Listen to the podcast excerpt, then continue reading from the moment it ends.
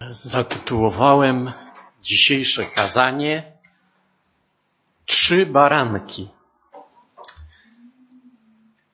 Chciałbym zacząć od słów apostoła Piotra. Drugi list, rozdział pierwszy, dwunasty i trzynasty werset przeczytam. Apostoł Piotr napisał, dlatego zamierzam zawsze przypominać wam te sprawy, chociaż o nich wiecie i utwierdzeni jesteście w prawdzie, którą macie. Uważam zaś za rzecz słuszną, dopóki jestem w tym ciele, pobudzać was przez przypominanie. No i właśnie takie dzisiaj wygłoszę kazanie, e, które będzie przypominaniem pewnych rzeczy. Ale to nie jest tak, że my coś znamy, coś słyszeliśmy, to już nie powinniśmy w ogóle skupiać naszej uwagi na tym. Coś odwrotnego powinno się dziać. Tym bardziej powinniśmy to badać i zgłębiać i sięgać coraz dalej w naszym poznaniu, w naszym zrozumieniu Słowa Bożego. Dlatego świadomy tego apostoł Piotr powiada, zamierzam zawsze przypominać wam te sprawy, pobudzać was przez przypominanie. I nic innego, tylko właśnie to chce czynić za apostołem Piotrem. E, kazanie, jak już wiecie, zatytułowałem Trzy baranki. I będę opowiadał o trzech barankach. I tekst, który chcę na początku przeczytać, pochodzi z pierwszej księgi z Biblii, to jest pierwsza Mojżeszowa. Dwudziesty drugi rozdział chciałbym przeczytać wam fragment. Po tych wydarzeniach wystawił Bóg Abrahama na próbę i rzekł do niego, Abrahamie, a on odpowiedział, oto jestem. I rzekł, weź syna swego, jedynaka swego Izaaka, którego miłujesz, i udaj się do kraju Moria i złóż go tam w ofierze całopalnej, na jednej z gór, o której ci powiem. Wstał tedy Abraham wczesnym rankiem, osiodłał osła swego i wziął z sobą dwóch ze sług swoich i syna swego Izaaka. A narąbawszy drewna całopalenie, wstał i poszedł na miejsce, o którym mu powiedział Bóg. Trzeciego dnia podniósł Abraham oczy swoje i ujrzał z daleka to miejsce. Wtedy rzekł Abraham do sług swoich, zostańcie tutaj z osłem, a ja i chłopiec pójdziemy tam, a gdy się pomodlimy, wrócimy do was. Abraham wziął drwa na całopalenie i włożył je na syna swego Izaaka. Sam zaś wziął do ręki ogień i nóż i poszli obaj razem. I rzekł Izaak do ojca swego Abrahama tak. Ojcze mój. A ten odpowiedział, Oto jestem, synu mój.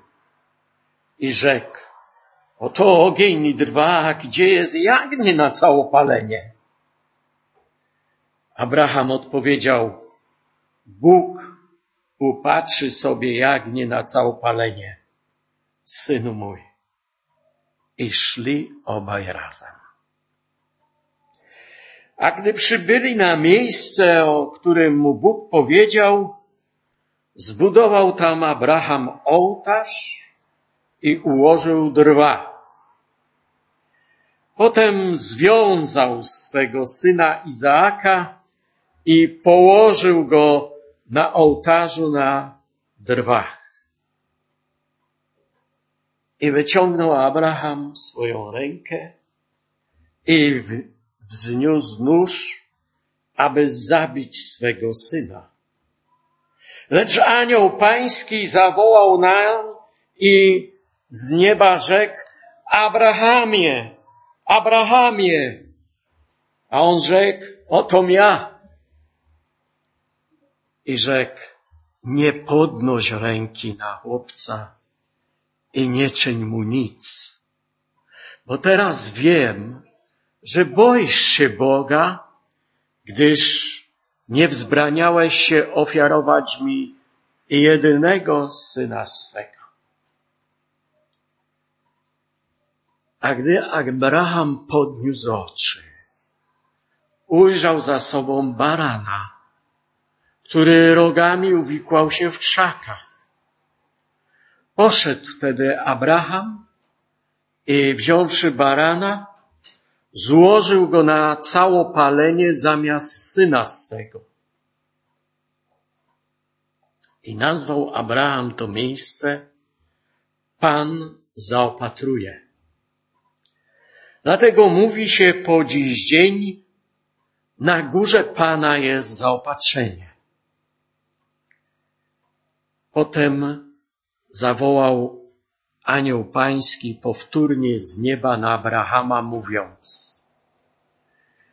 Przysiągłem na siebie samego, mówi Pan, ponieważ to uczyniłeś i nie wzbraniałeś się ofiarować mi jedynego syna swego, będę Ci błogosławił obficie i rozmnożę tak liczne potomstwo Twoje, jak gwiazdy na niebie i jak piasek na brzegu morza. A potomkowie Twoi zdobędą grody nieprzyjaciół swoich. I potomstwie Twoim błogosławione będą wszystkie narody ziemi za to, że usłuchałeś głosu mego. Myślę, że bardzo wzruszająca historia.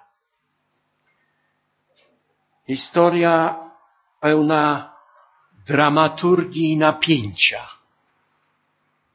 bo to Bóg zażądał od swojego wiernego sługi wielkiej rzeczy. Bóg zapragnął, aby Abraham złożył ofiarę ze swojego syna, a miał tylko jednego syna. Kiedy czytam tą historię, zastanawiam się wielokrotnie, co myślał Abraham tego poranka, kiedy wstał i osiodłał osła swego i zabrał sługi swoje i zabrał drewno na opał i nie zapomniał też zabrać syna swojego Izaaka w daleką podróż. Ja myślę, że to była daleka podróż nie tylko na dystans, nie tylko ze względu na dystans, odległość, jaką przeszedł Abraham, aby dotrzeć na miejsce złożenia ofiary. Ale on musiał też bardzo długą drogę przejść, jeśli, chodzi o swoje duchowe doświadczenie. Bracia i siostry, my tak często się zastanawiamy nad tym, czy Bóg to widzi, czy widzi tamto w naszym życiu, kiedy pojawia się jakieś cierpienie, jakaś trudność. Ale popatrzcie na tą historię. To jest historia, powiedziałbym, wielopoziomowa. To jest historia, która dotyczy Abrahama i Izaaka. To jest historia, która dotyczy relacji między Bogiem a człowiekiem. I ta historia wreszcie dotyczy nas, naszej duchowej warstwy, naszego głębokiego patrzenia na to, co wydarzyło się w życiu Abrahama i czego Bóg oczekiwał od niego. Tak, zastanawiam się, czego Bóg oczekuje ode mnie. Tak może dziś dobry dzień, żebyś się zastanowił i zastanowiła, czego oczekuje Bóg od ciebie. Czy miałeś już w swoim życiu górę Moria? Czy szłeś z nogi na nogę, rozmyślając o tym, co tam się wydarzy? I wreszcie chciałbym zapytać, czy mam wiarę, żeby przez to przejść? Czy masz wiarę, żeby przez to przejść? Bo ta historia się zaczyna od słów, że Bóg wystawił Abrahama na próbę. Braci i siostro, co się dzieje w naszym życiu, kiedy Bóg powołuje nas, kiedy Bóg wystawia nas na ciężkie doświadczenie, na ciężki sprawdzian naszej wiary. To w takich sytuacjach nasza wiara się rozwija. Nie wtedy, kiedy głośno krzyczymy w zborze, ale właśnie w takich historiach życiowych. Wtedy poznajemy sami siebie, jak blisko jesteśmy Boga. Odpowiadamy sobie na pytanie, czy Bóg kocha mnie? Czy Bóg kochał Abrahama? Czy Bóg kochał Izaaka? Pewnie, że powiemy tak. Ale kiedy coś dzieje się w naszym życiu, to już niekoniecznie chcemy widzieć ten przykład Abrahama i Izaaka, ale chcemy jakieś inne rozwiązanie. Wiecie, to jest historia, która zapowiada pewne wydarzenie. Wydarzenie, które będzie miało swoje miejsce za prawie dwa tysiące lat.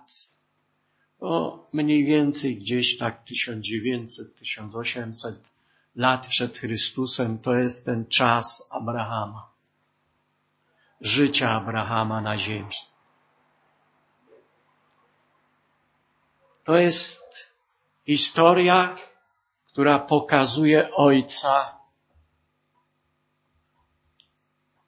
i miłość Ojca. Bracia i siostry, nam trudno taką miłość zrozumieć. Bo ta historia nam pokazuje przede wszystkim miłość Boga Ojca do człowieka. Wiecie, ta historia tam, która wydarzyła się na górze Moria, opowiada historię, która ma się wydarzyć dużo później, też na górze, w zasadzie na takim pagórku, wzniesieniu, poza murami Jerozolimy, była Golgota. I tam też został złożony baranek. Baranek, którym, jak wiecie, jest nasz Pan Jezus Chrystus. Wiecie, kiedy czytam tą historię, to myślę sobie, co czuł Bóg, kiedy Jego Syn zmierzał na górę. Też miał drwa, krzyż na swoich barkach i niósł. Ja myślę, że Bóg opowiedział nam tutaj tej historii o Abrahamie, historię swojej miłości do człowieka. Trudnej, niezgłębionej. Ja powiem wam szczerze, że sam do końca tego nie rozumiem. Dlatego z wielką pokorą już wiele razy czytałem ten tekst i zastanawiałem się nad nim. Dzisiaj zastanawiamy się tu wspólnie, co on znaczy dla nas.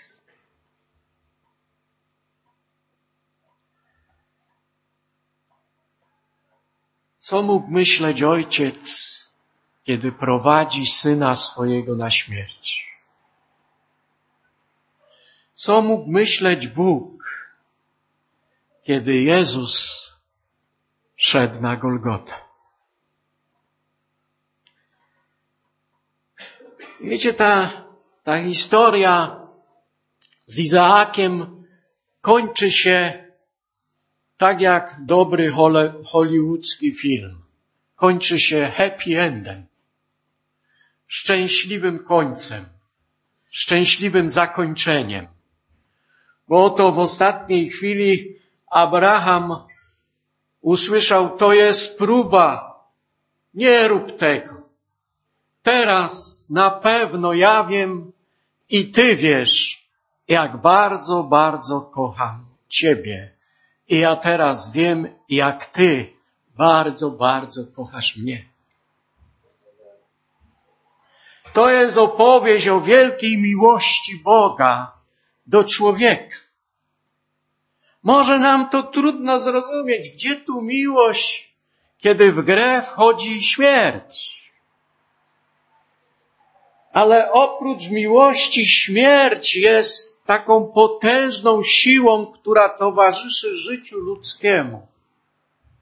I nie sposób zbadać żywota człowieka, nie rozważając tematu miłości i śmierci. Dlatego te dwie tutaj się łączą. Ale z nieba przychodzi rozwiązanie bo Bóg nie jest Bogiem umarłych, ale Bóg jest Bogiem żywych. Dlatego Bóg zawołał do Abrahama, nie rób tego. Abraham miał wielką wiarę. W liście do Hebrajczyków możemy przeczytać, gdzie jest opisywana ta historia, że Abraham Wierzył, że Bóg ma moc z martwych wzbudzić Izaaka po tym, jak on odbierze życie Izaakowi. i że Izaak będzie żył. To była wiara Abrahama. Ale Bóg jest Bogiem miłosierny. Dlatego nie pozwolił zabić Abrahamowi Izaaka, ale pozwolił ludziom zabić swojego syna, którego posłał z nieba tutaj na ziemię.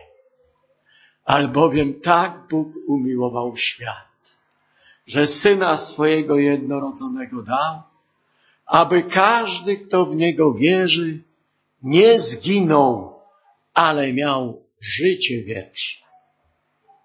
To jest Bóg Abrahama. To jest Bóg Izaaka. To jest Bóg patriarchów. To jest Bóg, Ojciec, który posłał Syna Jezusa Chrystusa. Aleluja. I kiedy ta historia się rozegrała, kiedy Abraham usłyszał, nie rób tego, sprawa jest wyjaśniona, to okazało się, że na górze Moria Pan przygotował tą ofiarę. Abraham się zatroszczył, żeby przyprowadzić syna swojego. Ale Bóg już tam dawno przygotował baranka, który się zaplątał w krzakach i nie mógł wyjść. I Abraham, kiedy szedł z Izaakiem na górę Moria, nie wiem, czy wiedział do końca, co mówi, czy tylko tak to powiedział. Ale zwróćcie uwagę, jak on idzie na górę Moria i pyta go Izaaka, gdzie ofiara? To czy Abraham mu mówi, gdzie ofiara? Ty jesteś nią? Nie. Mówi, Pan przygotuje. Pan to załatwi. Pan da rozwiązanie. I tego barana złożył na ofiarę całopalną zamiast Izaaka. Złożył Abraham. I nazwał Abraham to miejsce Pan zaopatruje. Bracia i siostry, historia dramatyczna, a kończy się tym, że Bóg objawia kolejne swoje imię. Że On jest zaopatrzeniem i nie musisz się martwić o swoje jutro, bo Bóg przygotował już dawno baranka, przygotował rozwiązanie. Nie musisz się tego bać. Bóg nad tym panuje. I nazwał Abraham to miejsce, Pan zaopatruje, dlatego mówi się po dziś dzień, na górze Pana jest zaopatrzenie. Tego ja lubię od czasu do czasu wyjść na grojec. Popatrzeć na panoramę miasta, w którym żyję. Widać całe miasto. Widać Sporyż, widać Śródmieście, widać Zabłocie, widać wszystkie dzielnice tego miasta.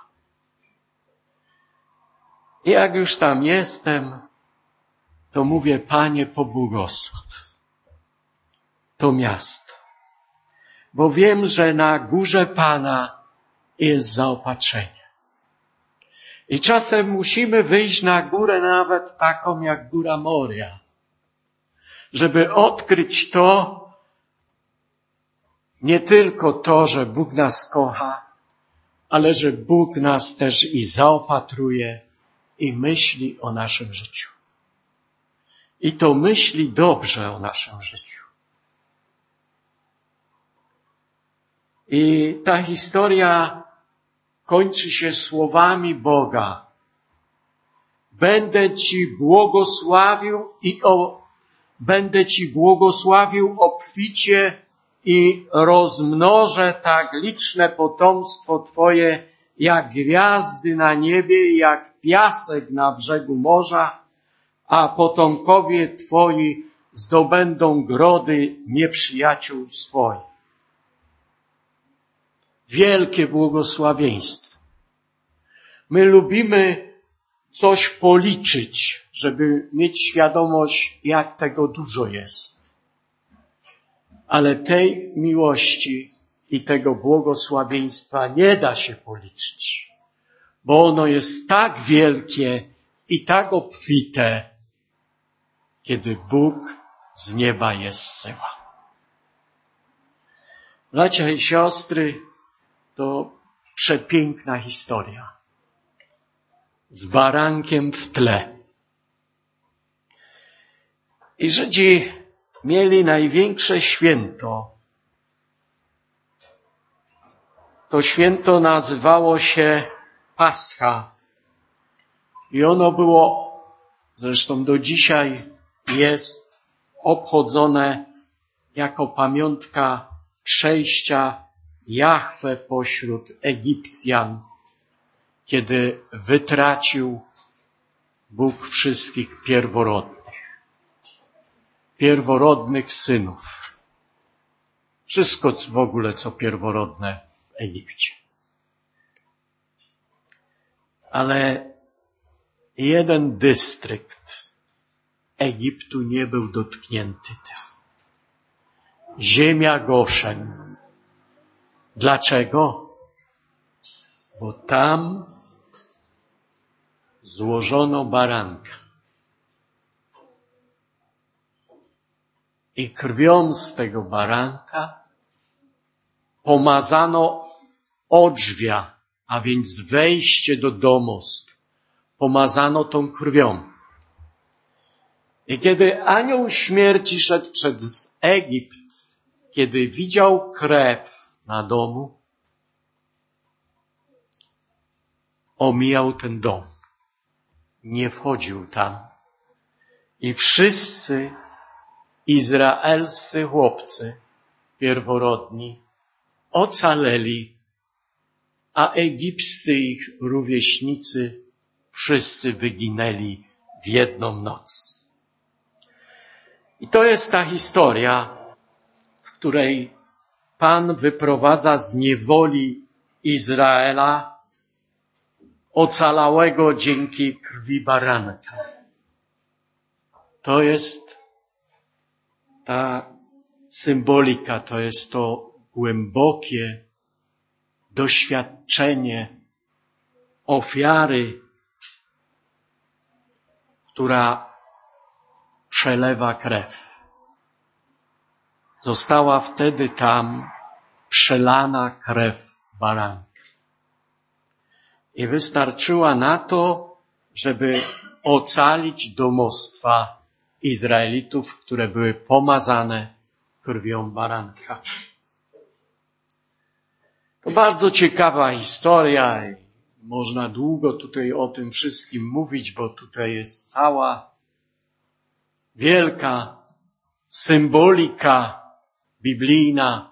Każde, e, każda czynność, każde zdarzenie, każdy przedmiot, każdy płyn, to wszystko ma swoją wagę, to wszystko coś oznacza, to wszystko trzeba nauczyć się rozumieć, żeby wytłumaczyć dokładnie cały ten przebieg Paschy, czemu on służył.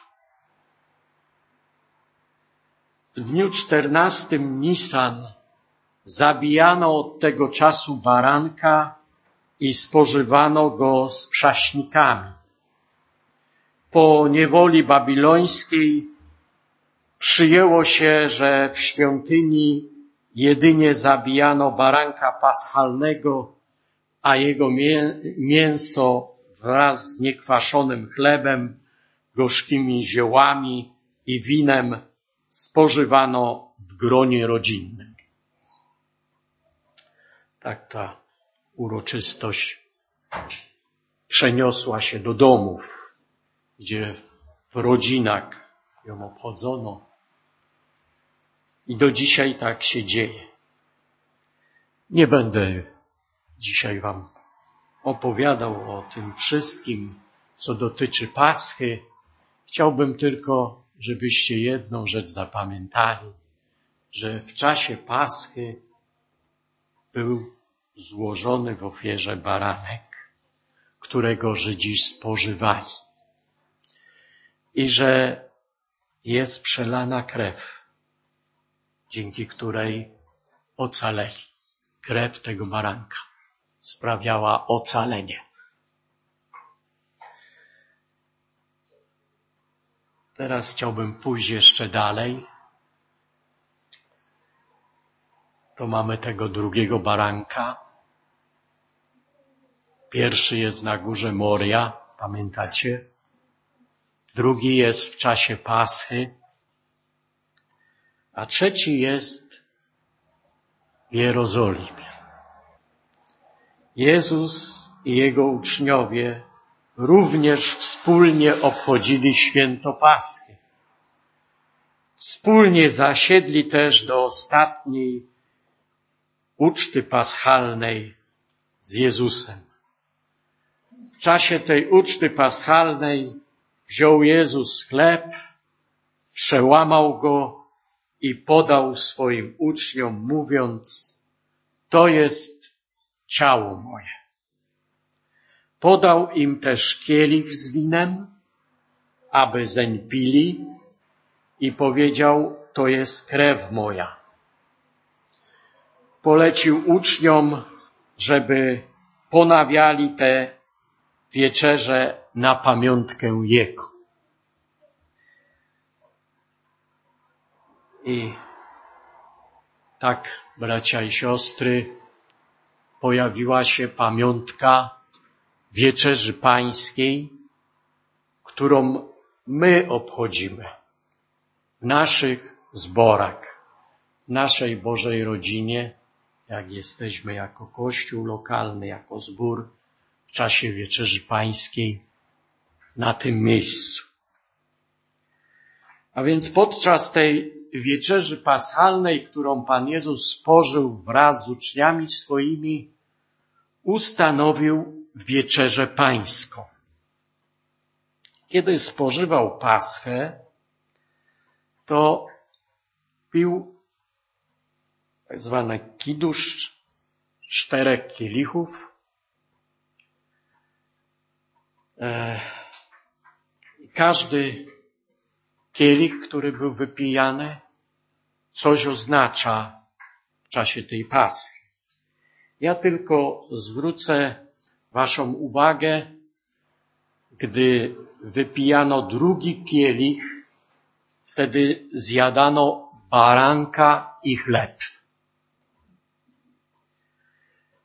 Przy wypiciu trzeciego kielicha Jezus nadał nowe znaczenie chlebowi, mówiąc to jest moje ciało, podając kielich powiedział to jest nowe przymierze we krwi. Myślę, że to tak jak w czasie Paschy, te wszystkie przedmioty, te wszystkie e, pożywienie, które oni tam jedli, te wszystkie płyny, które pili, one miały znaczenie symboliczne. Coś oznaczały. I w czasie wieczerzy my nawiązujemy też w pewnym sensie do tej paschy, bo na naszą wieczerzę został złożony baranek Jezus Chrystus.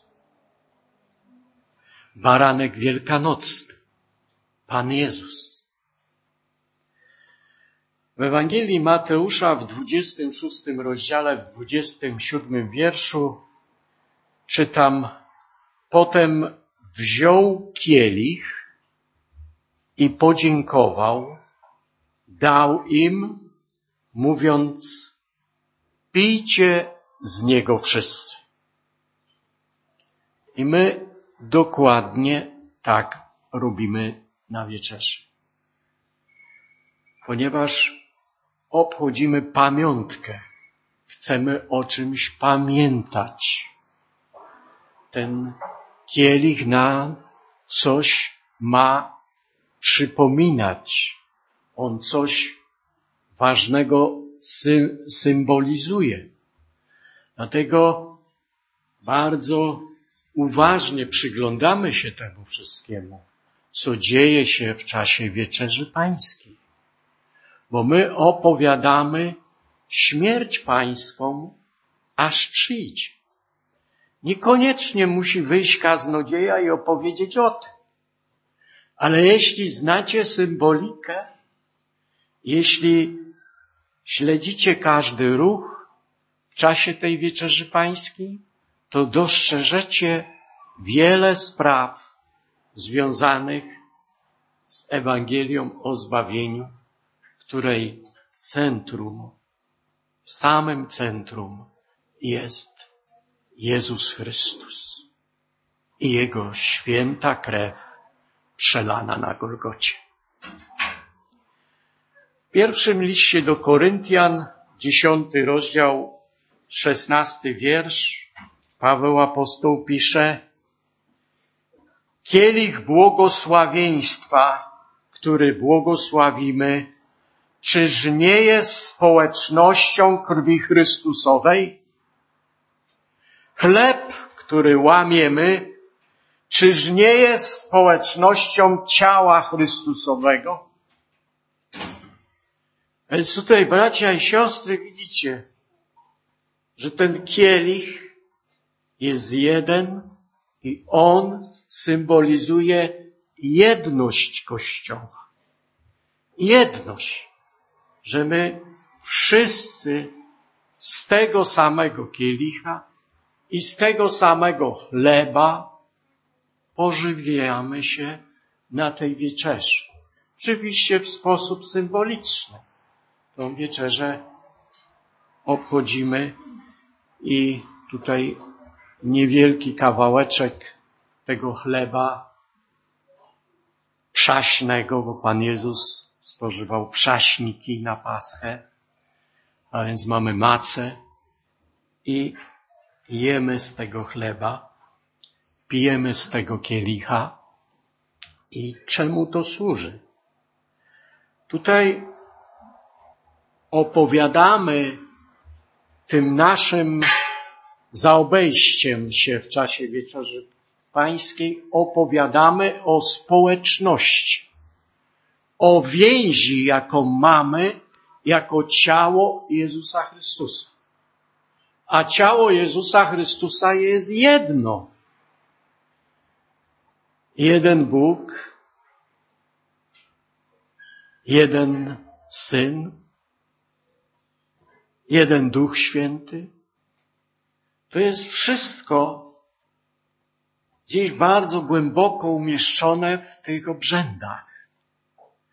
I my, kiedy e, bierzemy w tym udział, to powinniśmy się nad wieloma rzeczami zastanawiać wtedy.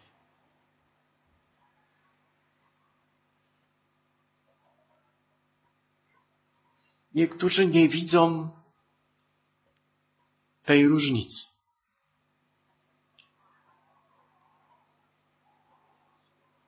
Dla nas wieczerza pańska znaczy coś więcej niż komunia dla katolików.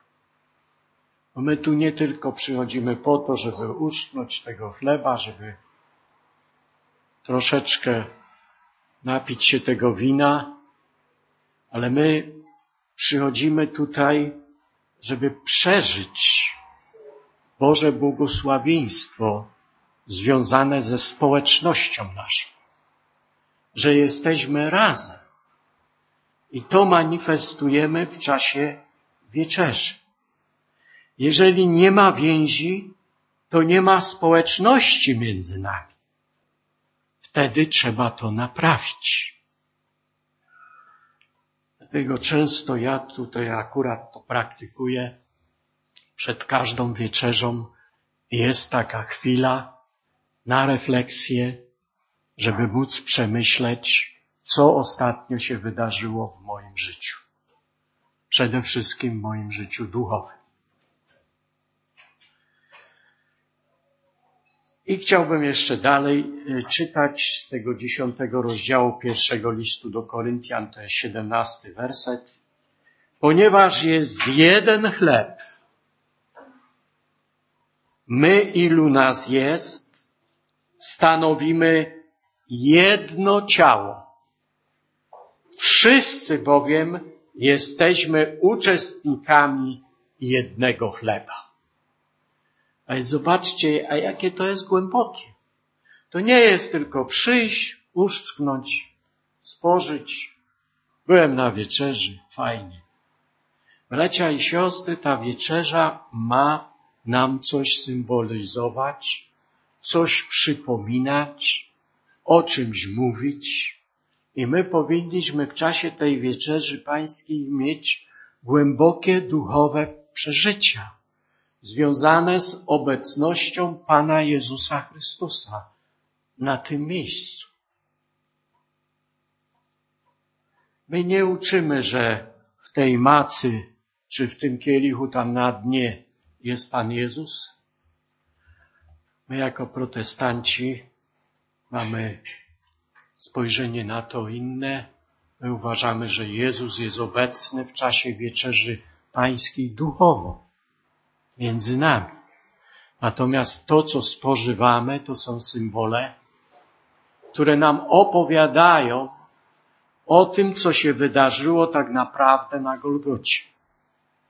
Co Bóg przeżywał, co Jezus przeżywał i co my powinniśmy przeżywać. To jest ta pamiątka. Jeśli pamiątka, to powinniśmy o czymś pamiętać. Czy na pamiątkę się przygotowujemy w ten sposób? A dzisiaj pierwsza niedziela, pamiątka. Bracia i siostry, to coś więcej niż tylko przekonanie o tym, że będzie pierwszą niedzielę miesiąca pamiątka Wieczerzy Pańskiej.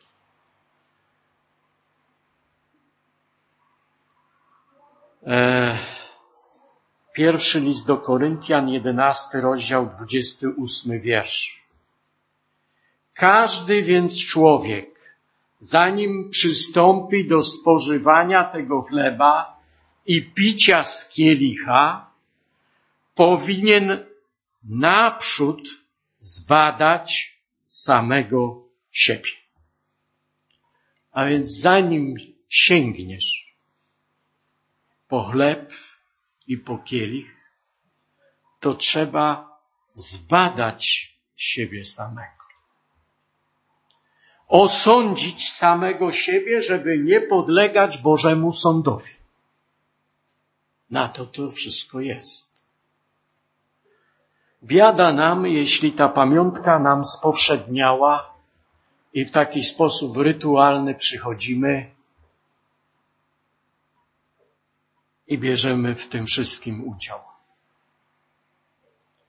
Ja tutaj zapowiadam,